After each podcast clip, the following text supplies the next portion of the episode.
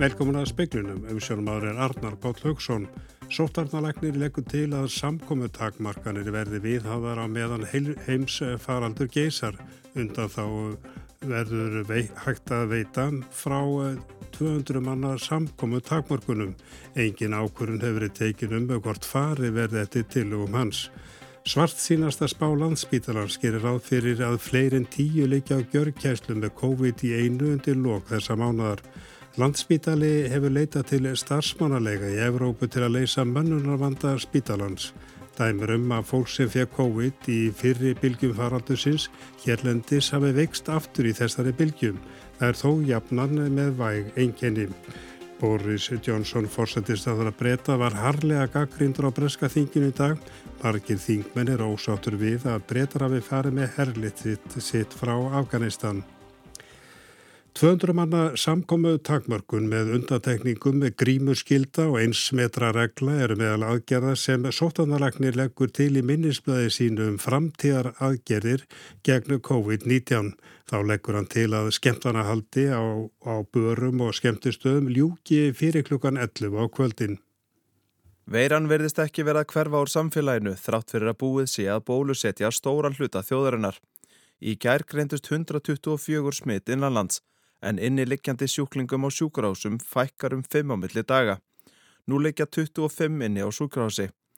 Sótvarnalæknir skilaði minnisblæði til helbriðsraþir á dögunum um ráðstafinir til langs tíma.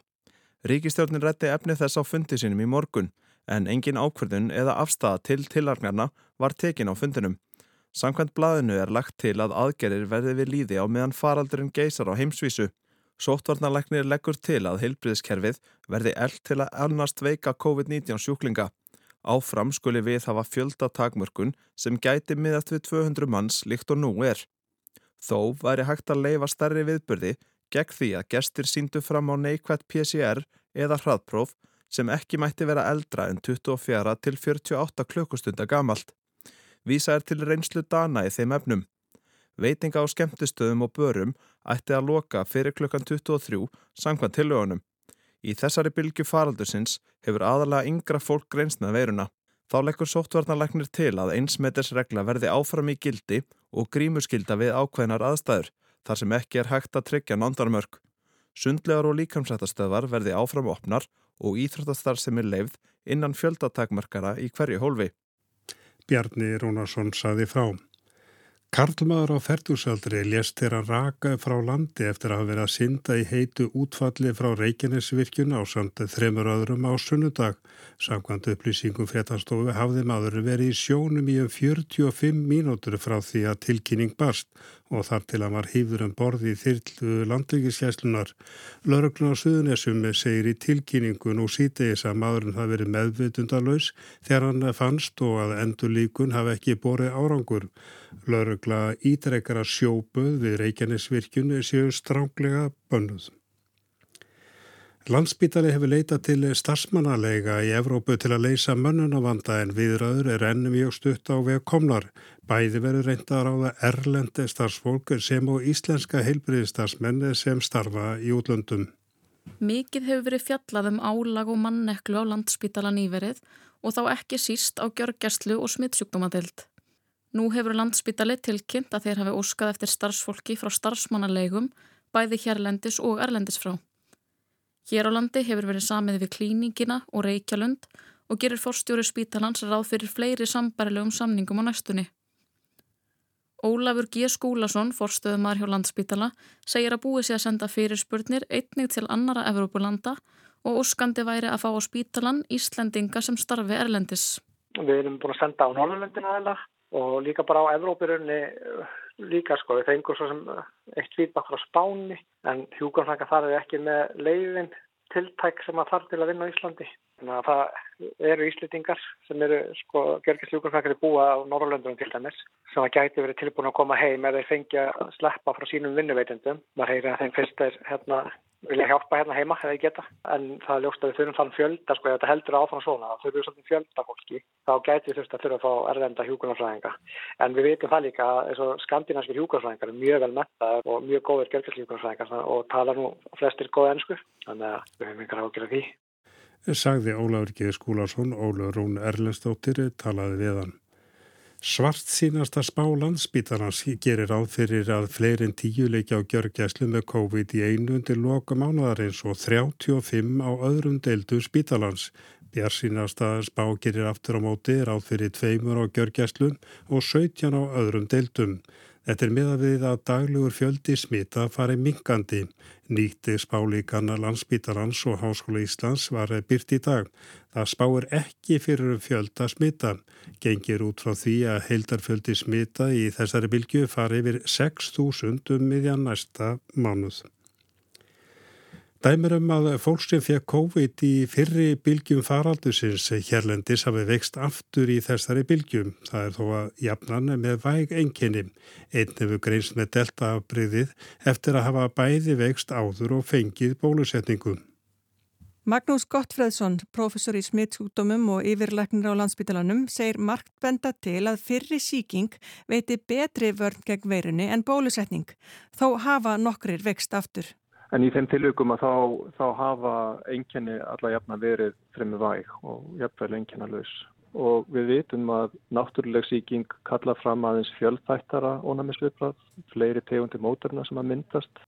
Um 60% þeirra sem hafa lagst inn á landsbítala vegna COVID í þessari fjörðu bylgu faraldusins eru bólusett. Fjórir af fimm sjúklingum sem eru í öndunarvél eru bólusettir. Aftur á móti er ekki algengt að þeir sem hafa fengið sjúkdóminn áður og þannig myndað mótefni gegn verunni veikist aftur. Þóraldur Guðnarsson Sótarnarleiknir segir að fyrri síkingar gefi góða vörn. Við heldum séum á skrá með um 15 manns sem að hafa fengið COVID núna aftur og því sem veit þá er held ég, það er mjög fáir, þessi kannski einn sem fekk bólusetningu eftir COVID og hefur smittast. En, en það er alveg, ég held sem nokkuð ljóst að fyrri síkingar, COVID-síkingar er vendar ansi vel gegn, gegn öðru smitti og, og betur heldur en heldur að bólusetningin gerir. Segir Þórólur Guðnarsson, Alma Ómarsdóttir tók saman. Úrhellis regning í borginni Jefli og Vestmannaland og Dölunum í Svíþjóð hefur valdið hamfaraflóðum en meiru regningu er spáð á svæðunum og lauruglanna talar um að hamfarir gangi yfir. Almenningur í Jefli er beðinum að vera ekki á ferðinni nema brína nöðsinn beri til. Viðvörun er í gildi fram á föstudag. Um 70 íbúar á stúdentagörðum voru fluttir á brott þegar jarðvegur tók að síga undir húsinu. Vatn hefur flætt inn í kjallara húsa og bílar eru umflottnir vatni. Láregla og björgunarsveitir hafa einbeitt sér að tæmingu skóla og opinbera bygginga. Ákveðið hefur verið að fresta byrjun skóla ársins í jefle. Láregla varar fólk við að vera á ferðinni vegna hættu á jarðvegshrunni. Einnig sé talsveð hætt á að fleiri vegir láti undan vassflömnum. Á einum sólarhing mæltist næstum 162 mm úrkoma í jefle sem jafngildir tveggja mánað úrkomu. Það segir veðurfræðingur að sé óvenju mikill en veðurfræðingunum telur þó að rikningar bakkar færist fljótlega til norðvestus og þá drægi úr regninu. Markus Þórhalsson saði frá. Formaður landsambands veiðimanna segir hýta þurka og lélega endurheimt úr sjóvera aðal ástæður þess að veiðisumarið hefur verið heldur daburt við það skvarn. Það við þó ekki haft áhrif á sölu veiðilefa. Lagsveiði virðist ekki verið eins góð hér á landi og undanfarin ár. Jón Helgi Björnsson, formaður landsambandsveiðimanna, segir hlýjindi og þurka í sumar hafa haft mikil áhrif, sérstaklega á norður og austurlandi. Ég held að sé nú að það segja að veiðisumarið hafi verið svona í slöku meðalagi. Það er rosalega erfitt að ná einhverjum árangri veiði þegar það er 20 steg hitti dag eftir dag og sól. Þannig að það er sjálfsér auðvitað dreyið niður veiðina móti kemur þá líður náttúrulega veiðmennanum mjög vel uh, við þessar aðstæður.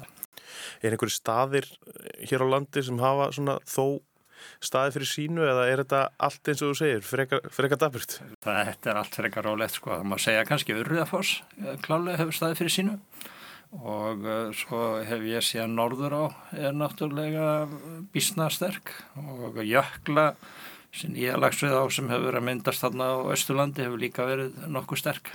Hann segir að veðurfar sé ekki eina ástæðan fyrir slakri veiði í sumar. Já, ég held núna að segja í eh, augljóst að það er bara léleg endurheimt á sjó.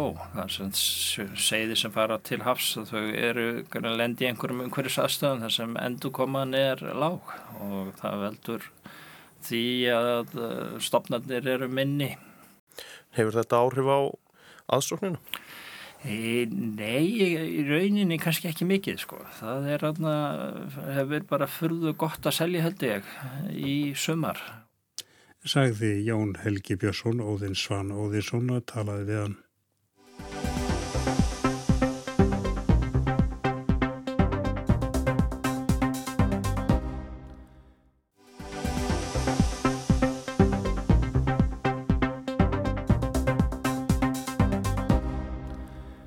Umræðunar í dag á breska þingjunum atbyrjunni í Afganistan voru óvinni heitar og tilfinninga þrungnar.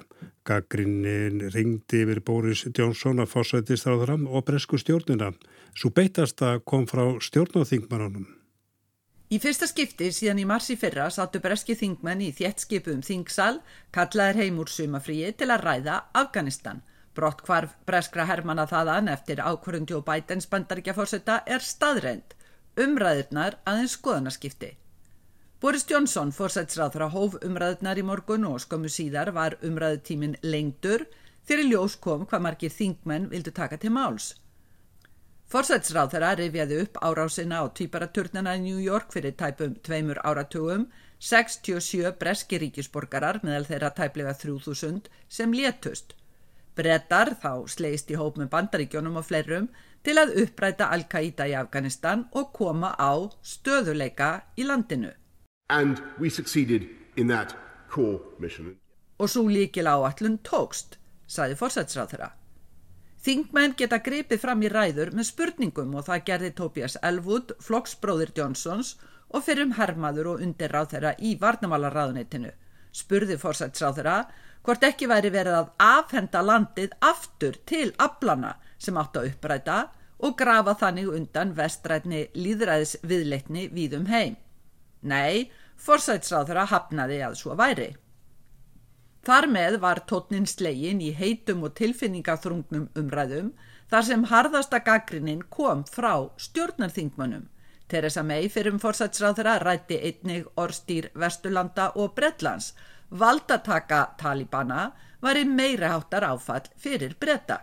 We boast about global Britain, but where is global Britain on the streets of Kabul?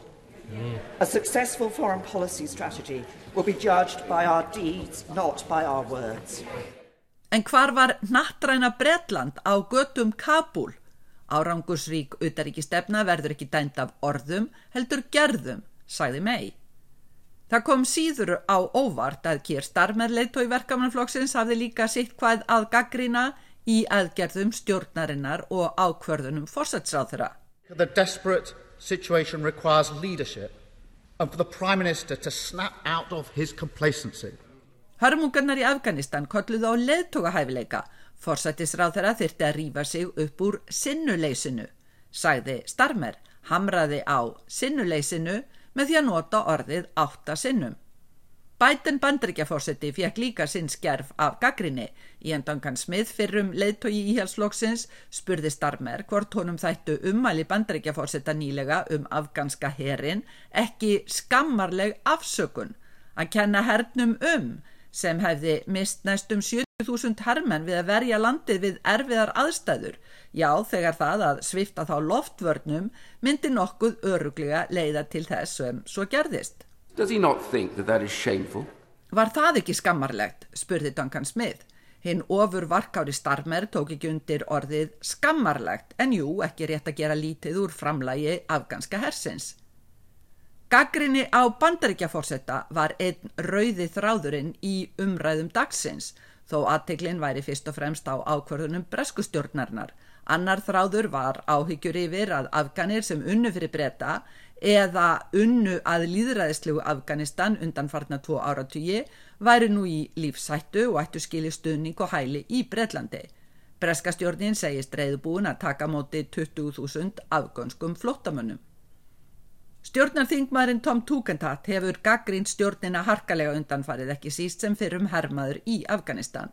Tugendhat var heiðræður fyrir framistöðu sína og klokkur þingmaðurinn sæði nú skammarlegt að bandaríkjafórseti efaðist um hreisti þeirra afgana sem börðust fyrir landi sitt. Heldur ekki rétt að tala um eilíft stríð. Það þyrti þólinnmæði til að skapa frið, sagði Tugendhat. Í lokin brá hann upp svipmynd frá dvölinn í Afganistan. Afganskur fadir kom með litla dóttur sína í fanginu til Tugendhat og félaga til að byggja um hjálp. En barnið var látið. Ekkert hægt að gera. This is what defeat looks like. It's when you no longer have the choice of to how to help. This doesn't need to be defeat, but at the moment, damn well feels like it. Ed David. Svona lítur ósigur út þetta að það eru engin úrræði. Það þarf ekki að vera að nú sé ósigur en þessa stundina er tilfinningin fjári lík því að svo sé, saði Tugendhat og uppskar lofaklapp þingmanna þó klapps í annars bannað í þingsalnum. Fyrir fram var búist við að mestir þeir rætt um hjálp breyta við Afgani en í dag var þingið vettvangur þar sem þingmenn heldu óspart úr skálum reyðisinnar og örvendingar yfir forsætsráþura. Og þó bandaríkja fórsiti heyrist kallaður besti bandamaður breyta guðsaðist líka töluvert á hann úr reyðiskálunum. Sigrun Davistóttir saði frá. Eftir 20 ára veru bandaríkjaman og annar í Afganistan mikinn fjáraustur og þjálfun öryggisveita völduðu talibanar yfir stjórnarherrin. Fjölmarkar ástæðar eru týnda til, einir svo að flækjustig við að þjálfa erlenda herri með ólíkan bakgrunn sé einfallega afar hátt. Talið er að hermenn talibana síum 60.000, sumir segja 70-80.000. Í öllu falli talsvert fámennari hópur en stjórnarherin í Afganistan en skilvirkur. Til viðbótar koma aðrir vopnaður hópar og stuðningsmenn talibana og samtalsgæti hér að blind talið um 200.000 manns. Þetta er samt allt á reiki. Umtalsvært fleiri, 300.000 manns eiga að vera í öryggisveitum stjórnvalda, sem sagt landherr, flugherr og lauruglu. Sá fjöldi hefur endar verið dregin verulega í Eva. Það er gerðnan talað um að öryggisveitinnar teljum 300.000 manns á papírónum en tölur og blaði dögaskamt í orustum. Veruleikinni sá að það er spillingi afganska hernum, dæmi er um yfirmenn sem hafa hyrt launhermana sem aldrei hafa verið annað en nafn á launaskrá, tilvist þeirra uppspunni frá rótum. Bandarækja menn hafa borgað laun afganskra hermana. Undan farna mánuði, eftir því sem að talibanar hafa náðundir sér landsvæðum hafa þeir sölsa til sín vopn og tæki afganska stjórnarhersins.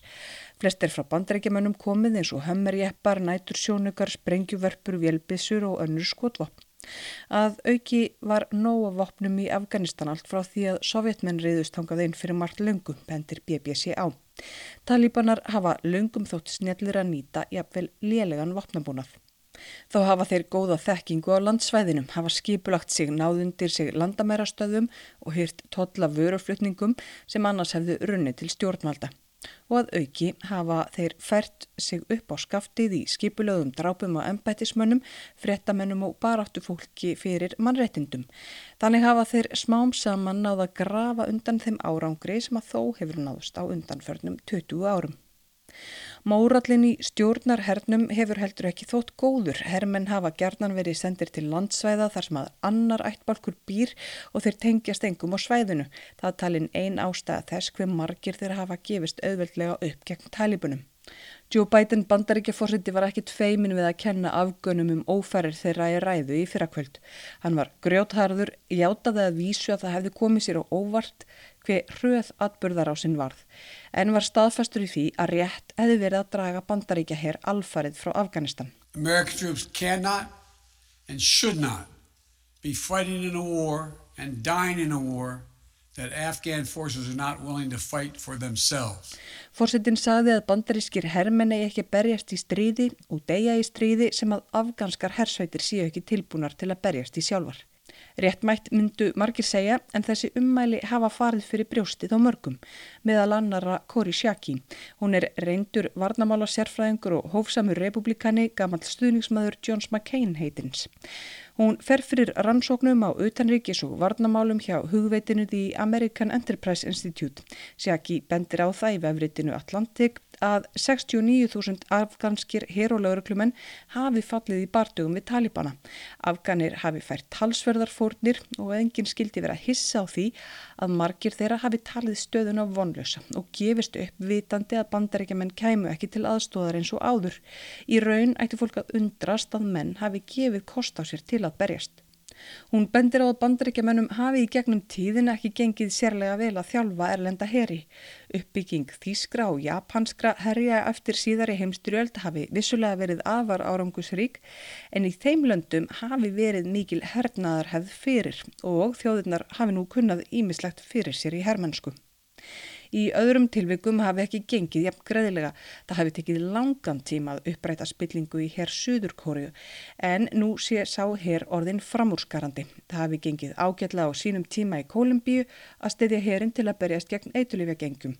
Misjaflega hafi gengið í gömlu Júgoslavíu og lokum nefnir Sjaki The School of Americas í Georgíuríki í Bandaríkjónum. Skólinn sem að herin rak var í raun þjálfunabúðir fyrir hermenn frá mið og Suður Ameríku.